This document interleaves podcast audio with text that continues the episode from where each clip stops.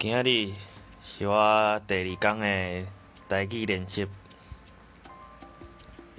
诶，今日暗时的时阵，本来要甲我朋友去运动啊，抑毋过伊下班转来讲，伊伤忝啊，爱先休困，困醒，困醒，佫决定要去还是袂无爱去。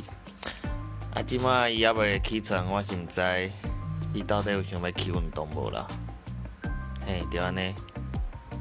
其实我会当一个人去啦，抑毋过有人陪还是较好啦。好，今日的台语练习就到遮，多谢大家。